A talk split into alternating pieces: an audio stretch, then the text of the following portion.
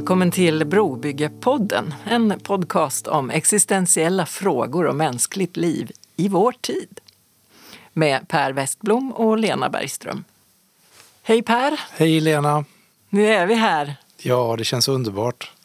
Ska Ja. vi beskriva rummet? Ja, det tycker jag absolut. Vi, vi sitter ju i en, en helt ny lokal för oss. En, det är alltså Bromma folkhögskolas studio. Ja. Eh, och det är ganska lyxigt för oss. Ja, inte minst att, att eh, det sitter en Joakim där ute och spelar in. Ja. Det är ju ett tag sedan vi spelade in. I juni tror jag senaste avsnittet kom. Var ganska många som har lyssnat på det. Mm.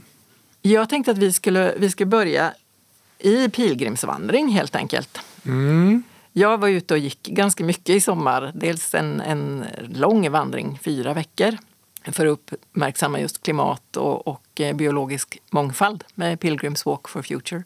Men jag fick också träffa dig på en pilgrimsvandring som du var med och arrangera. Den hette Pilgrim 175 och, och det är säkert jättebra om man vet. Just det. Vad står, Vad handlar det om? vad står 175 för? Ja. Jo, eh, det är 175 år sedan i år. Eh, och det här var ju i september och vi landade till slut i Vallersvik den 21 september där ett baptistdop ägde rum men framför allt så bildades den första baptistförsamlingen där i närheten. Och man kan, det var inte särskilt många och man kan tycka att det inte är så märkvärdigt men, men det var faktiskt någonting väldigt banbrytande för den församlingen var den första demokratiska sammanslutningen i Sverige där både män och kvinnor hade lika rösträtt. Och deras blotta existens, det dop som de hade utfört var strängt olagligt. Och det visade på den totala brist på religionsfrihet som fanns i Sverige vid den tiden. Det var förbjudet att samlas utan präst och fira nattvard. Det fanns något som hette konventikelplakatet från 1768. Och att bilda en församling vid sidan av den svenska lutherska kyrkan, det var, det var förbjudet. Det var att sprida villfarelser. Den här var alltså inte luthersk då? Nej, utan det var i den baptistiska traditionen där man inte ville döpa små barn eftersom de inte själva hade bett om att få bli döpta. Så det är ett slags uttryck för religionsfrihet i det. Eh, Men överhuvudtaget att man själv ville kunna organisera, bestämma över sin tro, att tron skulle vara någonting som man själv tog ställning till. Det var oerhört väsentligt för baptisterna.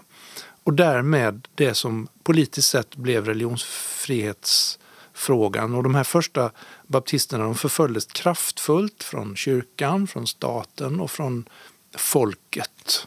Eh, Av lite olika motiv, men det var ändå ett uttryck för att det här är så en, en väldigt stark intolerans mot oliktänkande. Mm. Det här är ju jätteintressant. Ja, så att jag tänker så här. Där 21 september 1848, då startar kampen för religionsfrihet i Sverige på allvar. Och ett av de mest tydliga uttrycken för just att det inte fanns religionsfrihet det var när grundaren för den här församlingen, Fredrik Olaus Nilsson, blev dömd till landsförvisning för, att, för spridande av villfarelser och villolära. Eh, Och det var ju ett oerhört strängt straff att bli Mm. landsförvisad. Ja. Vart, vart tog han vägen? Han var först till, till Danmark och sen till USA. Danmark var före oss när det gällde religionsfrihet. Och han blir så småningom benådad av kungen men det, inte desto mindre så dröjer det väldigt länge innan det blir en, en religionsfrihet värd namnet. Lena, du har läst på lite om det här med vår religionsfrihetslag. Berätta. Alltså, det finns sju dimensioner som, av den här friheten som staten har ett ansvar för att både respektera, och skydda och främja. Och det första, frihet att välja, byta och lämna sin religion eller trosuppfattning. Det andra är att man har frihet att utöva en religion eller trosuppfattning. Ensam eller i gemenskap med andra, offentligt eller enskilt. Och eh, då kan man säga att över 70 procent av världens befolkning bor i länder där staten eller grupper i samhället kraftigt begränsar religionsfriheten. Alltså man har inte möjlighet att utöva. Följande rättigheter lyfts fram internationellt under detta med att utöva. Då. Att fira gudstjänst eller samlas i anslutning till en religion eller trosuppfattning och att då bygga, etablera och underhålla lokaler för det ändamålet. Man får etablera institutioner. Man får tillverka, införskaffa och använda föremål och material som är nödvändiga för ritualer och sedvänjor, inklusive att följa en viss diet. Man får skriva, ge ut och sprida relevanta publikationer. Man får lära ut en religion eller trosuppfattning i lokaler som är lämpliga och etablera teologiska seminarier eller skolor. Man får söka och ta emot frivilliga finansiella bidrag. Man får utbilda och utnämna eller rösta fram lämpliga ledare. Och man får uppmärksamma och fira religiösa högtider och vilodagar. Och man får kommunicera med individer och samfund. Man får uppvisa religiösa symboler inklusive bära religiös klädsel. Ha, du, nu, det här, nu är vi fortfarande bara på de två första. Oj, oj, oj. ja, vi tar det lite snabbt resten då. Ja, ja. Eh, frihet från tvång. Ja, Frihet från diskriminering. ja, en som är intressant här, kanske inte minst utifrån det baptistiska, föräldrarnas rätt och barnens rätt. Föräldrar har rätt att ge sina barn religiös och moralisk uppfostran i enlighet med den egna trosuppfattningen. Men detta ska göras på ett sätt som är förenligt med barnets växande kapacitet att själv ta ställning. Man har också rätt att vägra utifrån sin övertygelse då. Till exempel att vägra vapen. När man talar om samvetsfrihet. Sen är det ju också en till dimension av detta och det handlar om arbetstagare och arbetsgivare. Att arbetsgivare ska visa en rimlig flexibilitet i relation till arbetstagarens trosuppfattning och behov av att kunna utöva detta på sin arbetsplats. Man kan känna att det finns flera av de här ändå så här där man måste prata med varandra, man måste behöver hitta liksom, just det. gräns. Men när, och när kom den här lagen sa du nu? Sveriges religionsfrihetslag kommer 1951. Så det är hundra år senare drygt efter att den här lilla församlingen bildas. I- Så så lång tid tog det. Mm. Och även efter det så har ju Svenska kyrkan en, en särställning i Sverige ända fram till år 2000 som statskyrka. Mm. Även om man efter dess inte blir automatiskt upptagen som det var tidigare. Det, det är väldigt många aspekter i det du refererar till och, och dels finns ju det här lagskyddet, alltså friheten att man ska få utöva. Men, men det finns också en, något som man skulle kunna uppleva som en inskränkning. Och, och det är ju det som kommer till familjesituationen eh, som ju också en del har påpekat att hur skyddar man barn som växer upp i religiösa familjer från att bli eh, ja, tvingade in i religionen? Mm. Ja, Det gäller ju dig och mig som har både vuxit upp i kristna hem och fostrat barn. Mm. Det är ändå intressant att man nämner den här att ta hänsyn till barnets växande behov av- av självständighet. Eh, Men jag tänker att ett sätt i vårt land handlar ju om att man går i eh, att vi har skolplikten där man möter andra trosuppfattningar eller människor som tänker på annat sätt. Det, det är viktigt också att säga att religionsfriheten är ju inte bara religionsfrihet. Det som man kallar religions och trosfrihet eller i många fall pratar man om övertygelsefrihet. Det handlar också om nya religiösa uttryck. Det handlar om ateistiska trosuppfattningar. Det handlar om pacifism till exempel. Det räknas också som något som, som eh, övertygelsefriheten gäller. Då. Men i och med att det finns nu ett sånt här tydligt, vad ska vi kalla det, skydd för den religiösa och trosövertygelsen så kan man ju undra, behövs det här programmet som vi har idag överhuvudtaget? Nu har vi verkligen kommit fram till det som baptisterna 1848 längtade efter. Mm. Och då vet vi att det alldeles nyligen har höjts röster för att, som jag tolkar det i alla fall, inskränka religionsfriheten. Och Sverigedemokraternas partiledare har både i tal och skrift skrivit om hur han ser islam som ett problem i vårt land. Eh, han säger att han vill komma åt islamism och kanske framförallt då våldsbejakande islamism. Men det är inte tydligt hur han skiljer det från islam, eller rätt sagt jag upplever inte att han gör det. Och, och det som jag noterade i, i hans artikel i DN Debatt, det var att han riktar kritik mot religionsutövning som påverkar hela livet. Och då tänkte jag, oj, det är ju vad jag och många andra predikanter står och pläderar för varje söndag, att vår religion ska påverka hela livet. Hoppsan, vi åker nog med allihopa i den där inskränkningen. Ja, men det är ju en, en eh, ett, ett utifrån perspektiv på religion eh, som är ganska vanligt tänker jag i vårt land. Ja, men det, lite det här, var och en blir salig på sin tro. Mm. Eh, att det är någonting väldigt så här, inre, internt. Man går omkring och tror här inne i sig själv. Mm. Och, och, det får ju var och en tro som de vill. Mm. Men man har ganska lite förståelse för att religion är någonting yttre. Mm. Men religion är ju, eller, det är, det är ju praktik någonting som både påverkar mitt beteende men det tar sig också väldigt tydligt uttryck i att jag finns i en viss typ av gemenskap. Jag, jag tänker saker om vad som är rätt och fel att göra. Jag väljer liksom väg utifrån eh, den här inre övertygelsen. Ibland kan man också säga att den inre övertygelsen den kan ju vara mer eller mindre stark eller så men det här jag ändå jag tillhör det kristna eller jag tillhör mm. eh, islam och, och jag uttrycker min tro med mina handlingar. Men det här är jätteintressant för att jag tänker att vi... Är du religiös förresten, Lena? Det är ju en jätterolig fråga. Jag, jag, känner att som tonåring lärde jag mig att det fanns religioner och sen fanns det kristen tro. Och det var något annat. Okej. Okay. Eh, och det var väl kanske lite eh, slarvigt sätt att prata om andra religioner egentligen.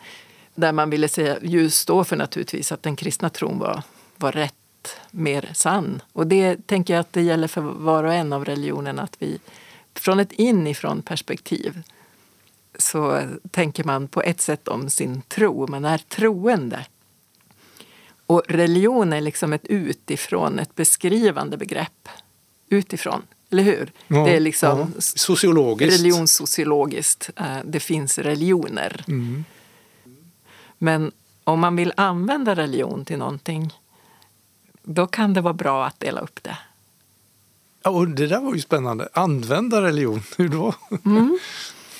Då kan man tänka från, från olika håll. Men till exempel om man har velat använda kristen religion som ett sätt att eh, fostra invånarna i ett land eller ett imperium till lydiga medborgare så har man kunnat använda ett slags yttre ram. Det som föregick den där 1848-händelsen det är ju det som ibland kallas läseriet. Mm. Som var att människor började läsa Bibeln och andra andliga skrifter och läsa på ett nytt sätt. Inte bara läsa för att kunna utan till utan läsa för att reflektera och eh, begrunda. Och det blir en, en annan typ av rörelse, ett större frihetsanspråk eh, kanske. Just det. Men religion kan stanna vid bara en inre, inre tanke eller jag, jag, en etikett. Jag, jag kallar mig kristen. Uh, och det tänker jag också är en del av religionsfriheten, att det mm. ska få vara så. Ja. Men det är också de här väldigt tydliga yttre uttrycken om man, man tittar på vad som omfattas av religionsfrihet. Då, att till exempel få ha en lokal mm. dit man går för att tillsammans med andra utöva sin tro. Eh, till exempel att få ha en moské. Enligt religionsfrihetslagen så eh, kan man säga att man har rätt att etablera en sån lokal, att bygga den, att eh, underhålla den. Att den det omfattas av det vi kallar religionsfrihet. Mm. Och det är ju där någonstans som det riktigt kontroversiella i Jimmie Åkessons tal handlar om att de här byggnaderna hör inte hemma i det svenska samhället. Mm. Det fanns till och med tal om att riva dem. Um, och, och, och, det skär sig ju fullständigt i mina öron och, och, jag går tillbaka till, till just det för 175 år sedan att det var ju precis samma tongångar. Liksom. Mm. Riv, det där, är en, det där är en livsfarlig väg. Eh, jag har en tes som jag vill testa med dig. Eh, och det är att religion i alla former är bra för samhället. Och att det är bra för demokratin. Instämmer du i det? Ja, varsågod. det, eh, ja. Nej, men jag tänker så här att det finns många värden som skapar ett gott samhälle som premieras i många av åtminstone de stora religionerna. Eh, ärlighet och uppriktighet, respekt för andra människors värde, rättvisa, omsorg om de fattiga, återhållsamhet. Och jag säger inte att det här liksom eh, kännetecknar alla religiösa på ett fullkomligt sätt men, men det finns hos många med ganska enkel tro ändå en slags tanke om att jag är ansvarig inför Gud när det gäller min medmänniska. Mm. Och att det faktiskt är någonting bra för samhället. Ja, det är svårt att säga nej till det. Ja, Åkesson kan. Ja, ja, men, ja men eh, därför att han målar ju en helt annan bild av den religiösa människan som intolerant, som någon som vill ta ifrån dig din frihet och din kultur, som någon som inte har respekt för, för ditt värde. Mm. Så det är ju... Jag läste lite om hur eh, olika religioner liksom representeras och presenteras i det offentliga livet i Sverige. Mycket av det handlar ju om media, public service och så. Och då finns det ju ändå en...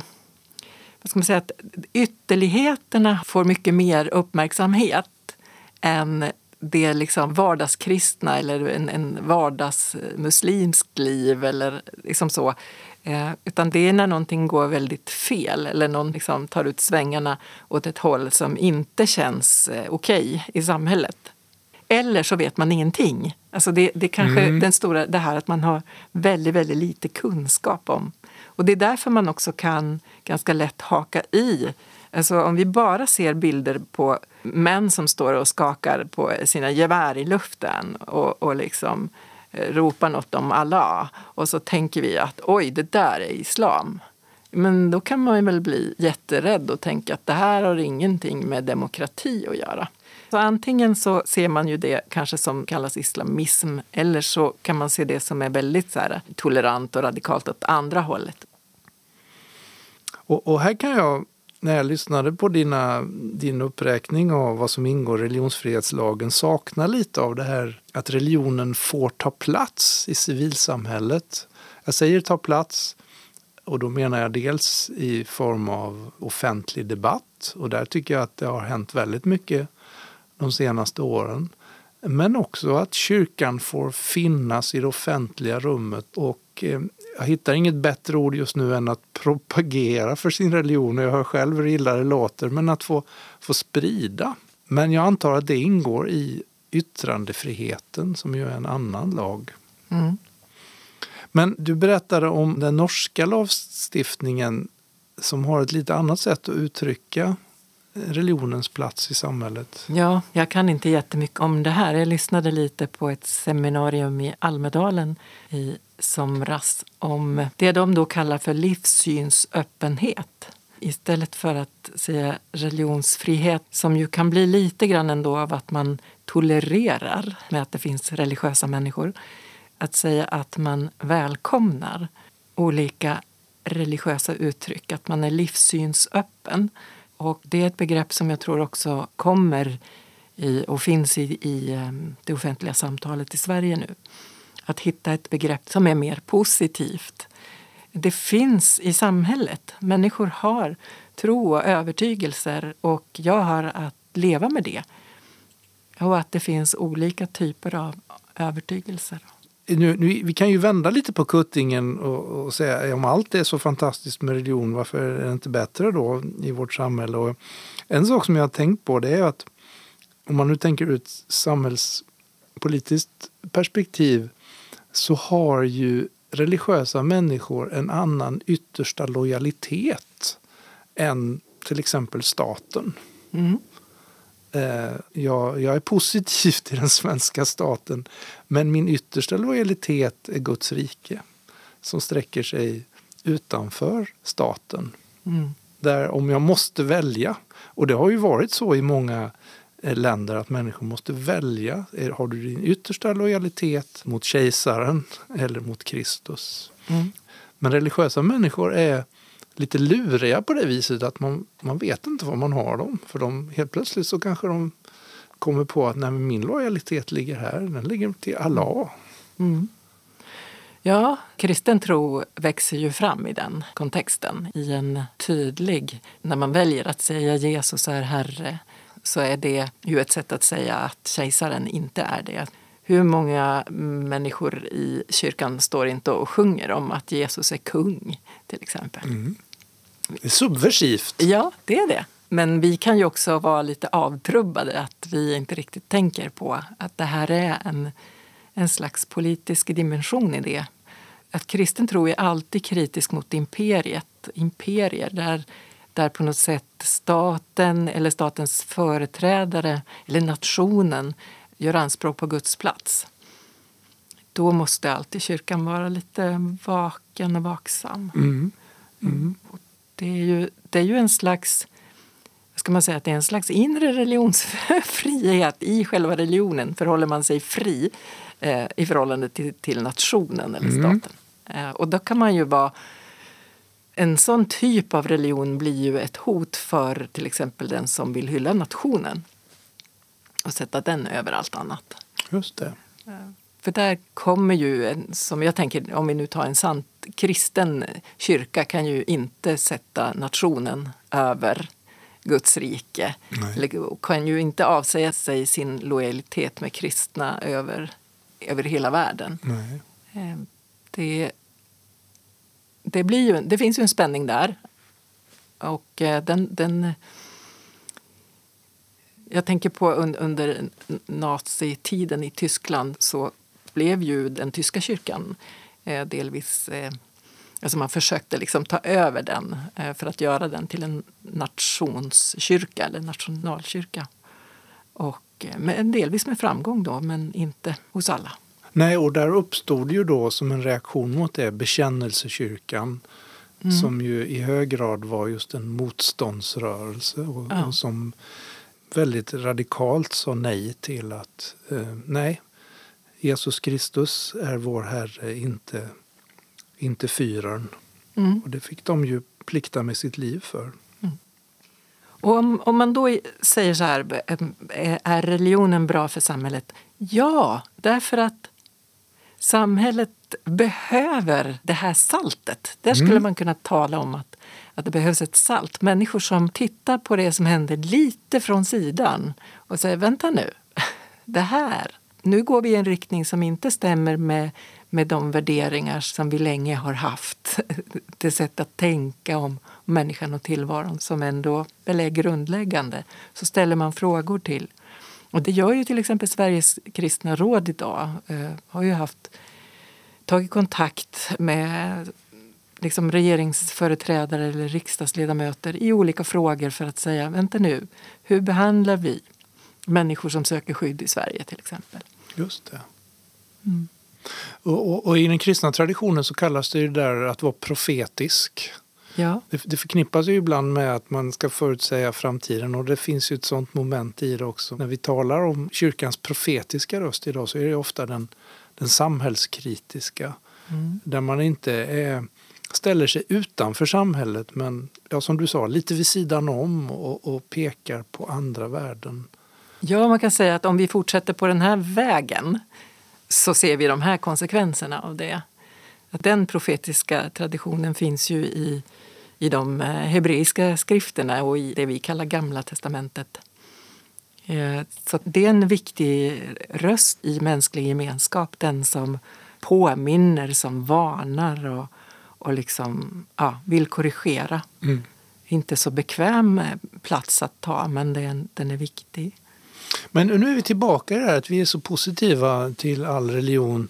Man kan undra om vi, om vi liksom försöker förespråka islam här i programmet. Men varför benämner vi inte de uppenbara problem som religionen medfört i samhällen?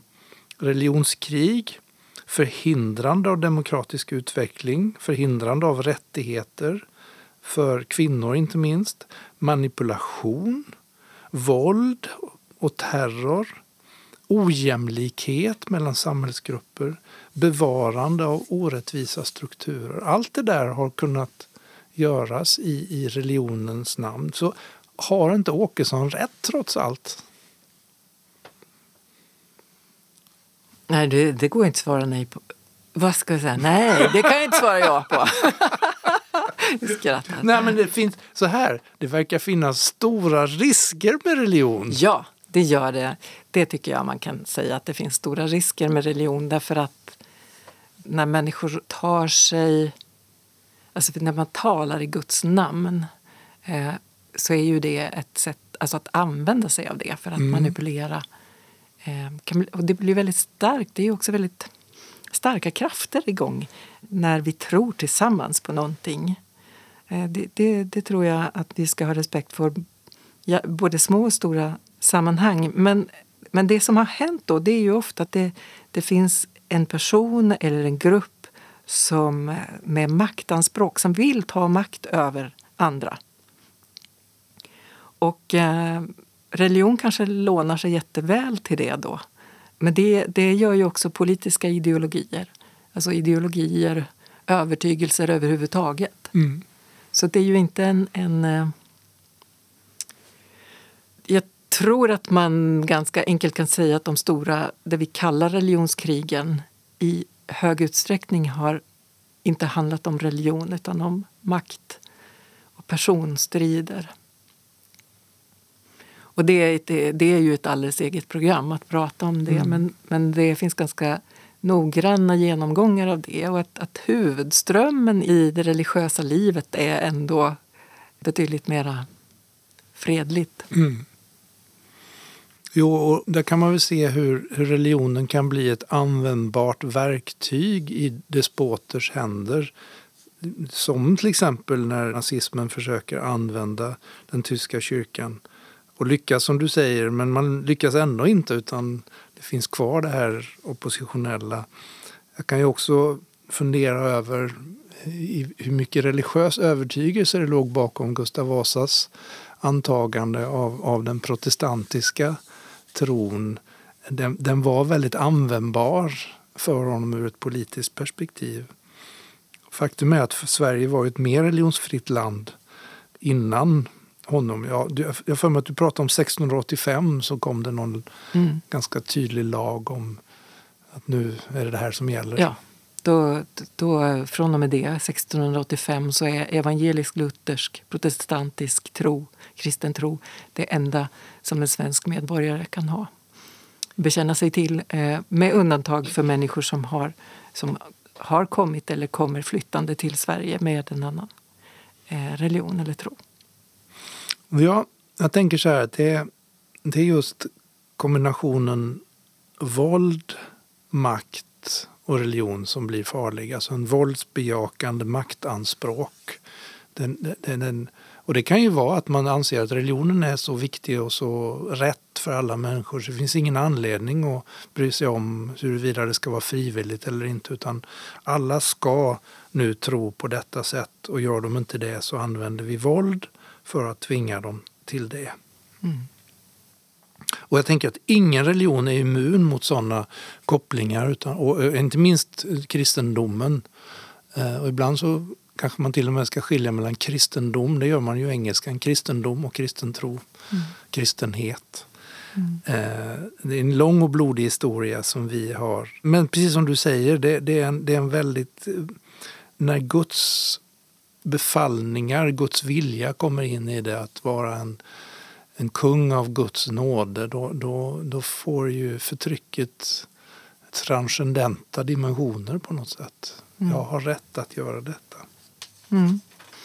Men det är ju också, det är också en fråga om eh, hur man Alltså att man, vad man hotar med eller lockar med. Och det behöver inte alltid vara fysiskt våld som man använder i en manipula manipulativ miljö. Utan det kan ju också vara ett psykiskt våld och att man blir ställd utanför. Och att, att, man, eh, i, att ah, vissa premieras och andra inte. Och, och, och, så. Det, det finns ju mycket det finns ju mycket, inget, varken religiöst eller sekulärt eh, sammanhang är, är ju liksom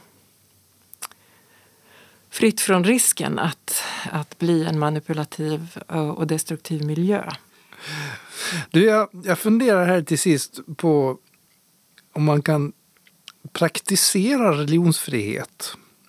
Mm, alltså för kul. egen del. Eh, alltså vad, hur, hur gör man?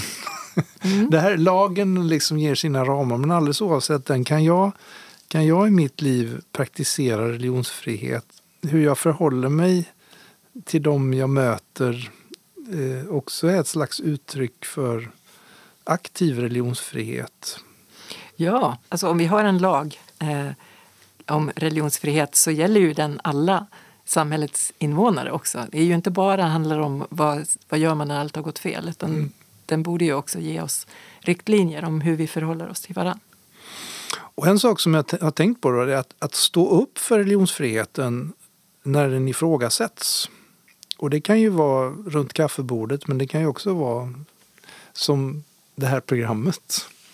Eh, och, och att, att, faktiskt säga det här, är, det här är viktigt, det här har vi kämpat för, det här får ganska stora konsekvenser om vi börjar tumma på.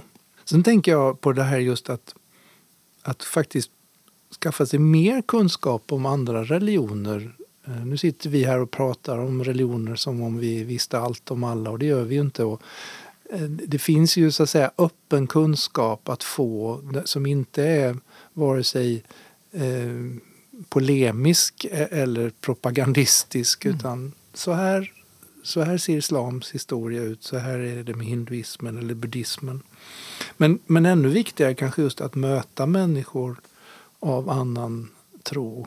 Att samtala och förstå vad tron betyder för dem och, och ja, vad religionsfriheten betyder för dem och vad de känner för inskränkningar. Och då tänker jag då kanske särskilt på det, det som är minoritetsreligioner i vårt samhälle. Mm. Vad tänker du om det? Är det, är det en kan man göra religionsfrihet? Ja, men jag tror att du är något viktigt på spåren där. Eh, att, att, ehm, att bejaka, bemöta med öppenhet och, och eh, också för, liksom, kunna försvara andras rätt att uttrycka sin, sin tro. Och det är ju det, det, här är ju intressant för att vi, vi kan ju i, om man tänker i en kristen kontext, så kan ju vi vara ganska snåla mot andra kristnas sätt att uttrycka sin tro. Just det. Eh, så det där får man liksom lysa på, på lampan på sig själv, tänker jag, ganska ordentligt. Och... Lättare att vara positiv till, till muslimer i största allmänhet än till ja. vissa kristna. Ja, nej, men det, det definitivt så.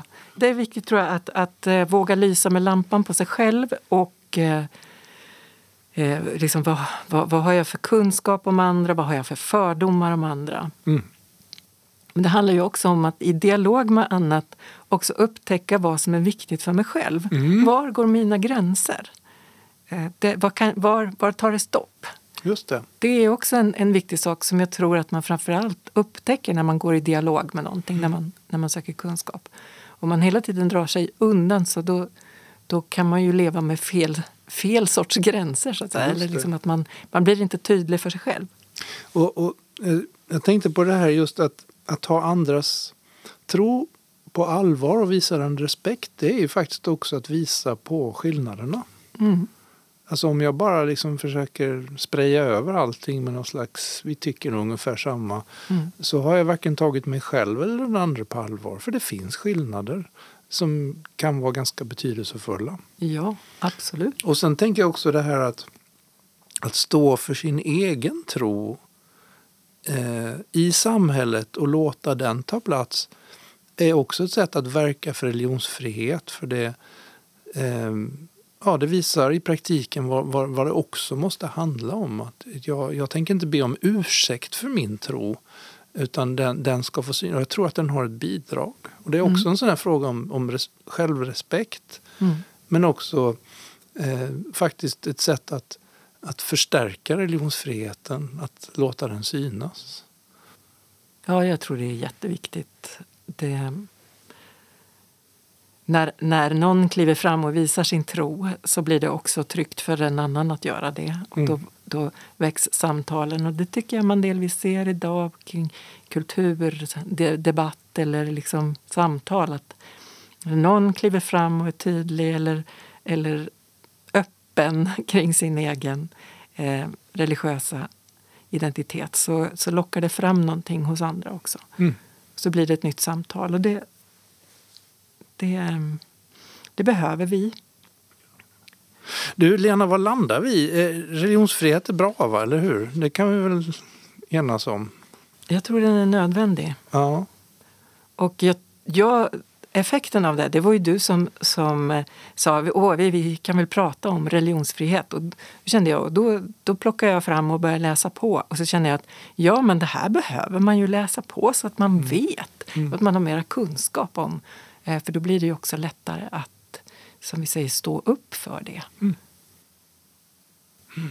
Och eh, sen tror jag verkligen att den där, den där profetiska rösten i samhället är, är superviktig. Att, och, och då gör ju samhället något gott i att se till att det saltet får finnas. Att det finns människor med, den här, eh, med ett annat sätt eh, att, att ja, vad ska man säga, uppfatta och tänka och reflektera utifrån det vi gör tillsammans. Precis. Mm. Ja, går vi in för landning här? Jag tror det. va? Ja. Jag tror det. Tack Lena för ett gott samtal. Tack Per. Vi vet inte allt, men vi är på väg mot att veta allt. Nej, men det är gott att få dela, dela tankar och lära på vägen. Och har man tankar om det här får man naturligtvis gärna höra av sig till oss. Vi eh, finns på Instagram till exempel. Där kan man skriva en rad om man har en, en tanke. Mm. Gott. Gott. Tack. Vi ses. Det gör vi.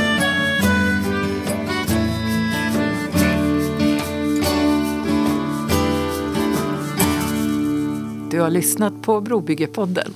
Hör gärna av dig, följ oss på Instagram eller bara fortsätt att vara en fri och tänkande människa.